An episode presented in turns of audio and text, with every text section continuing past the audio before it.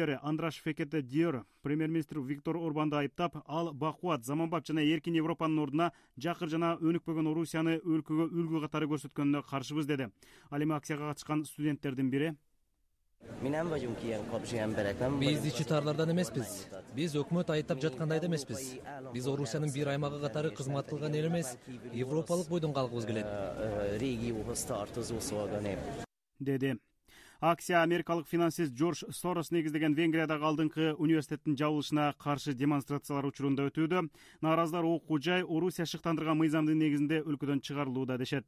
Мурда москваны сындап жүргөн виктор орбан эки миң онунчу жылы кайра бийликке келгенден кийин позициясын өзгөртүп орусия менен түркияны ийгиликтүү деп мисал кылып келген биринчи майда акшнын бир катар шаарларында дагы президент дональд трамптын айрым чечимдерине өзгөчө иммиграциялык кадамдарына каршы акциялар өттү. Орегон штатынын портленд шаарында кара кийимчен адамдар кечке жуук шаар көчөлөрүнө от жагышып дүкөндөргө жана полициянын унааларына кол салышты. Алардын үчөө кармалганы кабарланды. Мындан тышкары лос анджелесте дагы профсоюздар иммигранттар жана жарандык активисттер менен марш өткөрүлүп трамптын иммиграциялык саясатына өлкөгө мыйзамсыз киргендерди депортацияларын айтканына каршылыгын билдиришти жарандык жана эмгек активисттери трамптын иммиграциялык саясаты ириде аз акыга иштеп укуктары корголбой келген катталбаган жумушчуларга тээrin айтышууда. Эмгекчилердин эл аралык күнүнө байланыштуу кошмо штаттардын башка дагы шаарларында нааразычылык акциялары өттү. Кыргызстанда партиялар үчүн парламентке өтүү босогосун жети пайыздан тогузга көтөрүү сунушталууда. Бул тууралуу президентти жана жогорку кеңеш депутаттарын шайлоо жөнүндө конституциялык мыйзамына өзгөртүү киргизүү тууралуу мыйзам долбоору талкуулап жатканда республика ата журт фракциясынан депутат мирлан жээнчороев билдирди. Это даст возможность исключить стимулирует процессы укрупнения бул партиялардын биригишине түрткү болуп майдаланып кетишинин алдын алат. учурда эки жүздөй саясий партия бар. Саясий элита шайлоо процессинин активдүү катышуучулары ошондуктан бул алардын өлкө үчүн жалпы кызыкчылык үчүн биригишине мүмкүнчүлүк берет деди жээнчороев талкууга катышкан жарандык активист динара ашырахунова шайлоо босогосун көтөрүүгө эрте экенин бул жаңы түптөлүп келаткан партияларга тоскоолдук жаратаарын белгиледи мындан сырткары долбоордо шайлоо күрөөсүнүн өлчөмүн көбөйтүү дагы каралган. Саясий партияларга беш миллион сом ал эми президенттикке талапкерлерге эки миллион сом деп белгиленген ноокен райондук соту кочкор ата шаарындагы кыргыз нефти газ ишканасында иштеген кытайдын эки жаранын тоногон делген үч адамды эки жылдан шарттуу кести. Бул тууралуу райондук соттон азаттык радиосуна билдиришти. Былтыр январда кочкор ата шаарында убактылуу жашап турган эки кытай жаранын белгисиз кишилер көчөдө тоноп төрт миң сом акчасын жана уюлдук телефондорун тартып алган. Милиция кылмыш кодексинин жүз алтымыш жетинчи беренесине ылайык иш козгоп чет элдиктерди тоногондор изделе баштаган. Быйыл февралда кылмышка шектелип жыйырма үч жана жыйырма төрт жаштардагы үч адам кармалган кытай ишембиде чухай шаарында дүйнөдөгү ири амфибия учагын ийгиликтүү сынады ал күнү учактын тормоздук жана кыймылдаткыч э, кыймылдын траекториясын корректировкалоо системасы сындан өттү ошондой эле аны жүз сексен градуска буруп дагы көрүштү. Эйж алты жүз учагы өрт өчүрүү жана суудагы куткаруу иштери үчүн жасалган бортуна жыйырма секундада он эки тонна суу жүктөй алат жана элүү үч жарым тонна максималдуу учуу салмагы менен төрт жарым миң чакырым учалары эсептелген. Айнура? Рахмат али. Э, кабарлардын кеңири топтомун азаттык чекит орг сайтыбыздан э, таап окуп турсаңыздар э, болот. Азыр болсо берүүбүздү улантабыз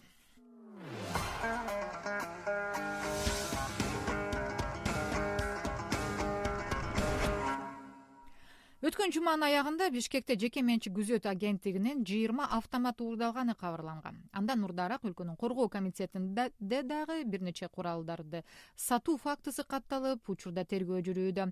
Аскердик куралдарды соодалоо бизнестин бир бөлүгүнө айландыбы коррупциянын көрүнүшүбү же жөн эле кайдыгерлик тартиптин жоопкерчиликтин жоктугубу мына ушул сыяктуу суроолорду бүгүнкү арай көз чарай. Э, берүүбүздөн талкуулайбыз талкууну бакыт орунбеков алып барат. Бакыт сөз сизде рахмат саламатсыздарбы урматтуу радио каармандар? Бүгүнкү биздин талкуубузга кыргыз республикасынын улуттук коопсуздук комитетинин жетекчисинин мурдагы орун басары марат иманкулов мурдагы юстиция министри марат кайыпов жана коопсуздук боюнча эксперт полковник рысбек байзаков катышмакчы. Биз менен э, талкууга марат иманкулов мырза э, телефон аркылуу кошулуп атат. Анда биз э, биринчи сурообузду марат мырза саламатсызбы сизге берсек? Саламатсызбы мына жогоруда айтылгандай кыргыз армиясынын кампасынан жеке менчик күзөт агенттигинен чек ара кызматтарынан ири өлчөмдөгү ок атуучу куралдардын уурдалган фактылары сиздин оюңузда бул эмнени айтып турат? Бул э, курал чындап эле бул бизнес кылуунун бир баюунун бир булагына айландыбы? Же башка да себептер болуп атабы? Э, эми бул деген өтө кооптондурчу жагдай болуп турат менин оюмча. Анткени өзүңүздөр билесиздер биздин э, чөлкөмдө могу орто азия чөлкөмүндө ошонун ичинде биздин кыргызстанда дагы кырдаал э, бир э, жанагы жакын чыгышта болуп аткан окуяларды эске ала турган болсок кырдаал өтө мындай татаалыраак да. Анан азыр ар бир жарандын оюна келиши мүмкүн. Бул куралдар кимге керек бар? Кимге сатат аны дегенде? Бирок ушул куралдардын баары жанагы кылмышкерлердин колуна түшө турган болсо криминалдардын колуна андан тышкары экстремисттик жана террористтик уюмдардын мүчөлөрүнүн колуна тие турган болсо алар каяка пайдаланат эмнеге пайдаланат мына аны сурабастан эле белгилүү болуп атпайбы мына ошол эркиндей жагдайга пайдаланбаш үчүн э, биздин мамлекетте ушундай өкүнүчтүү окуялар болбош керек да? Бул курал деген өтө э, бекем сактала турган абдан тыкыз э, көзөмөл боло турган талапты ушундай жагдайларды талап кылат да? Анан үзүлүп калды. Анда биз кайрадан кошулууга аракет кылып көрөлү. Марат мырза сиз дагы айтсаңыз мына уурдалган же сатылган э, куралдар кайда кетиши мүмкүн? Кандай максатта колдонушу мүмкүн? Жеке эле бизнес кылгандан сырткарычы. Эми биринчиден жана сиздин э, иманкуловго берген сурооңуз ооба.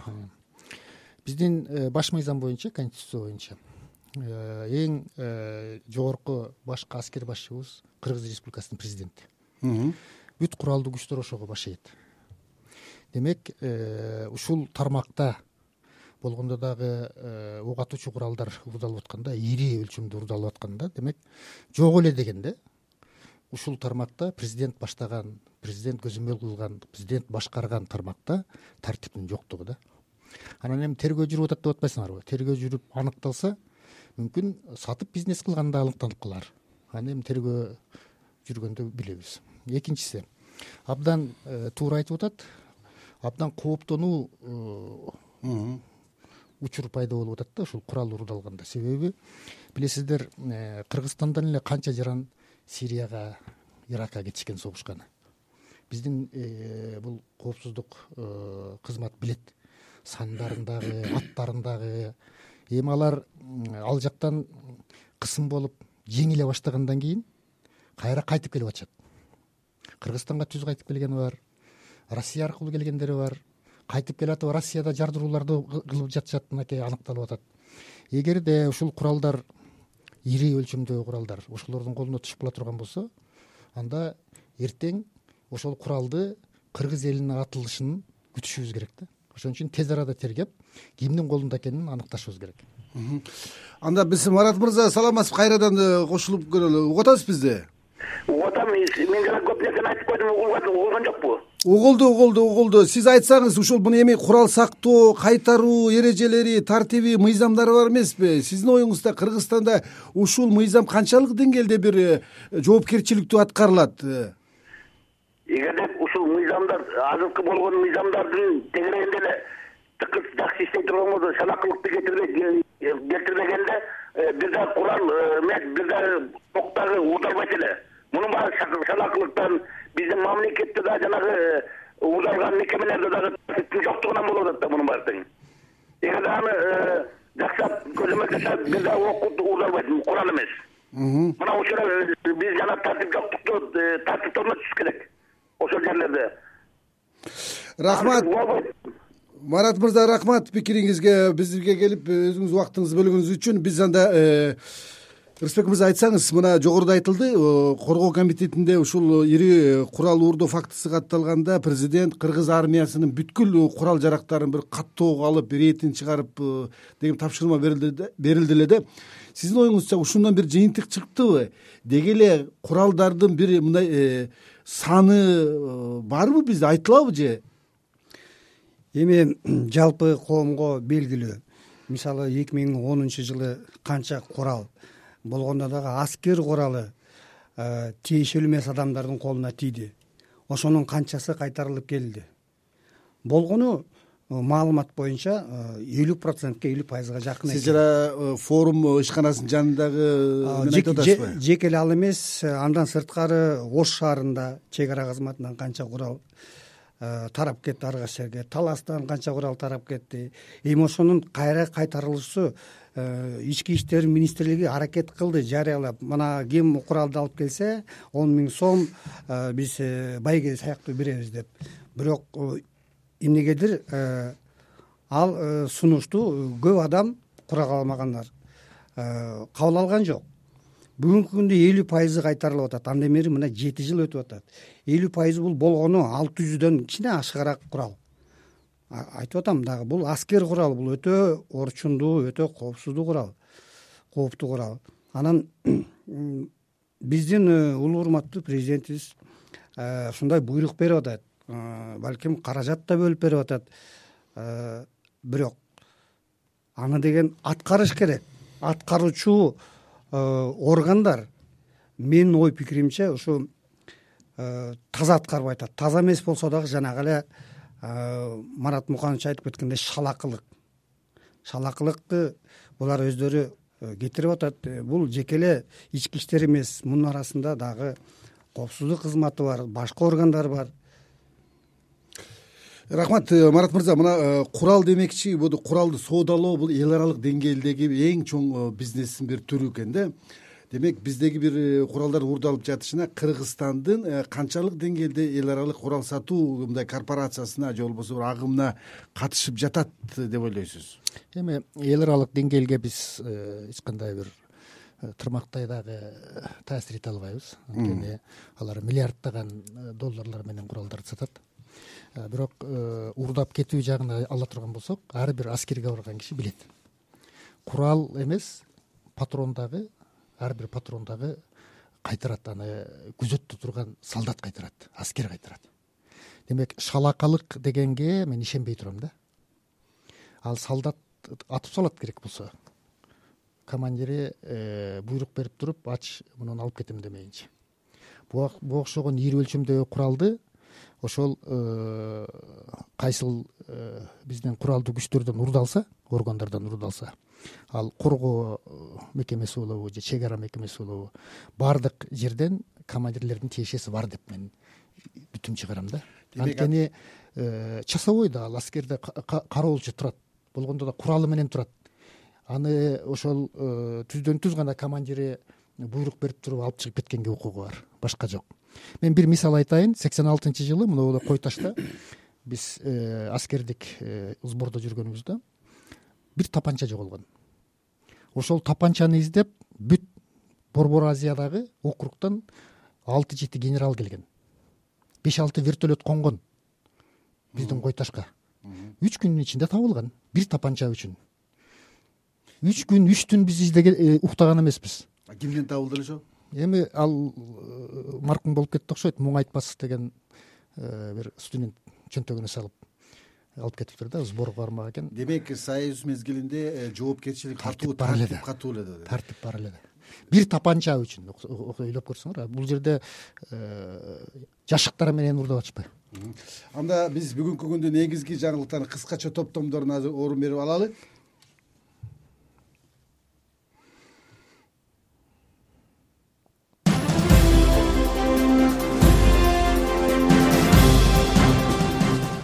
кочкор атада кытай жарандарын тоногондор соттолду. Шайлоолорго арналган өзгөртүүлөр комитеттерде каралат. Тажикстанда өзбекстандын маданият күндөрү өтөт. Түркиялык ишкер ахмед кая электромед боюнча түшүндүрмө берди.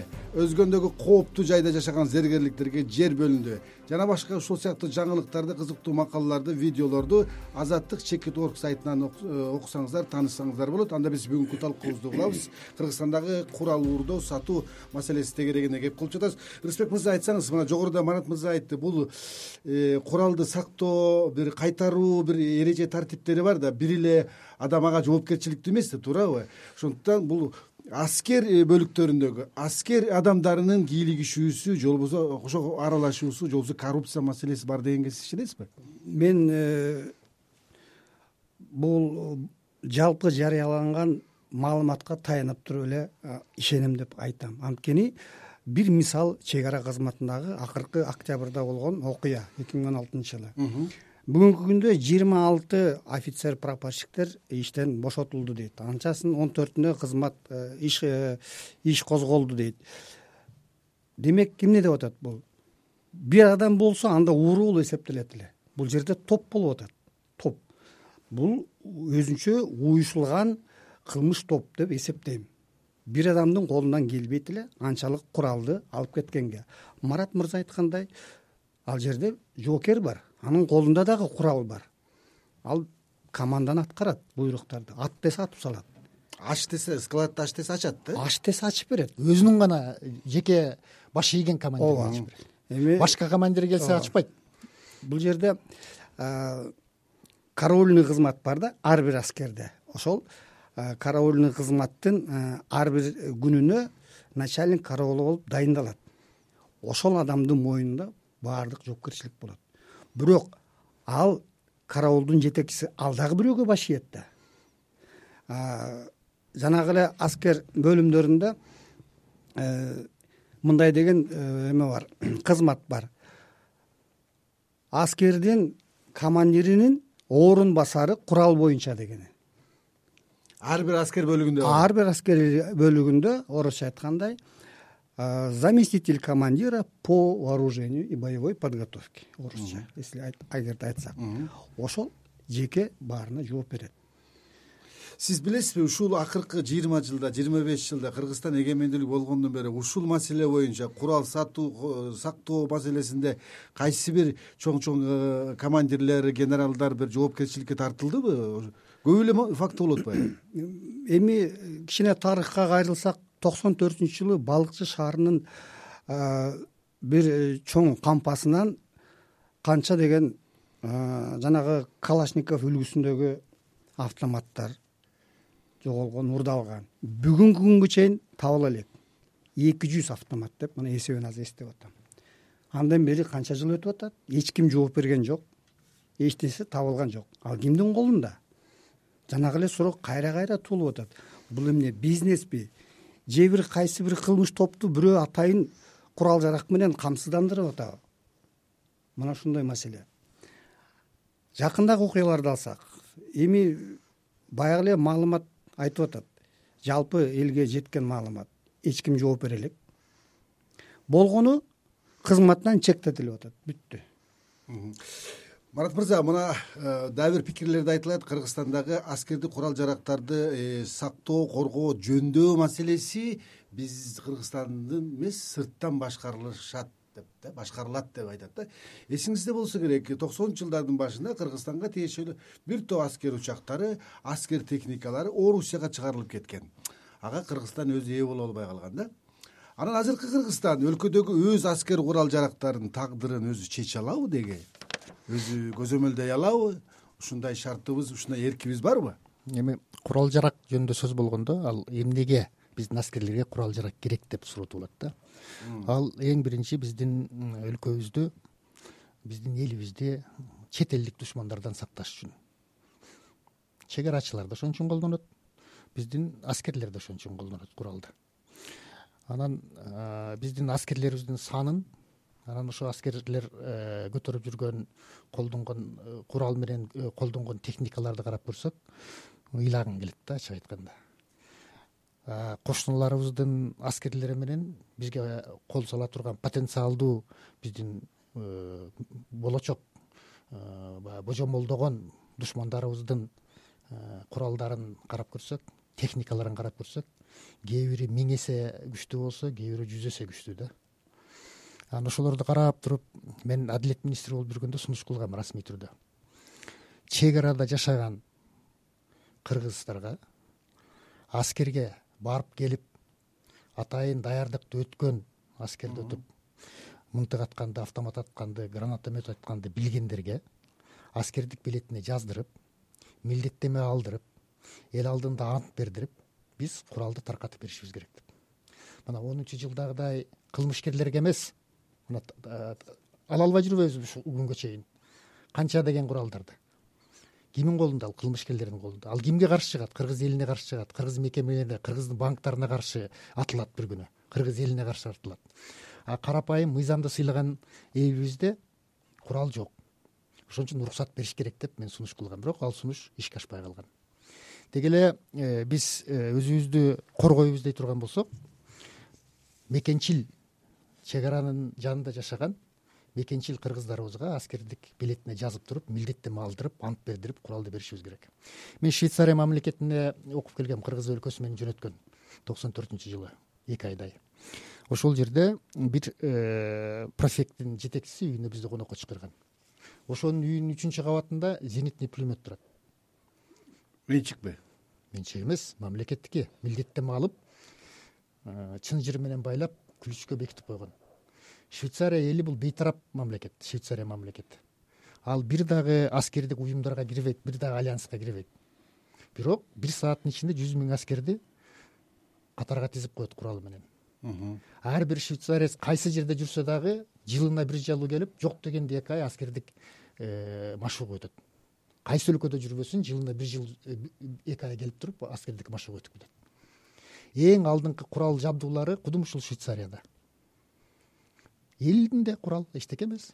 Демек бизде кыргызстанда анда э, элибизди куралды пайдаланууга колдонууга эгер ошону ошону э, милдеттенме алдырып аскердик билетине жаздырып ишенген баягы арак ичип алып атып жибербеген абройлуу мекенчил кишилерибизге таркатып берсек биздин кошуналар дагы чек араны бузгандан сестенет эле.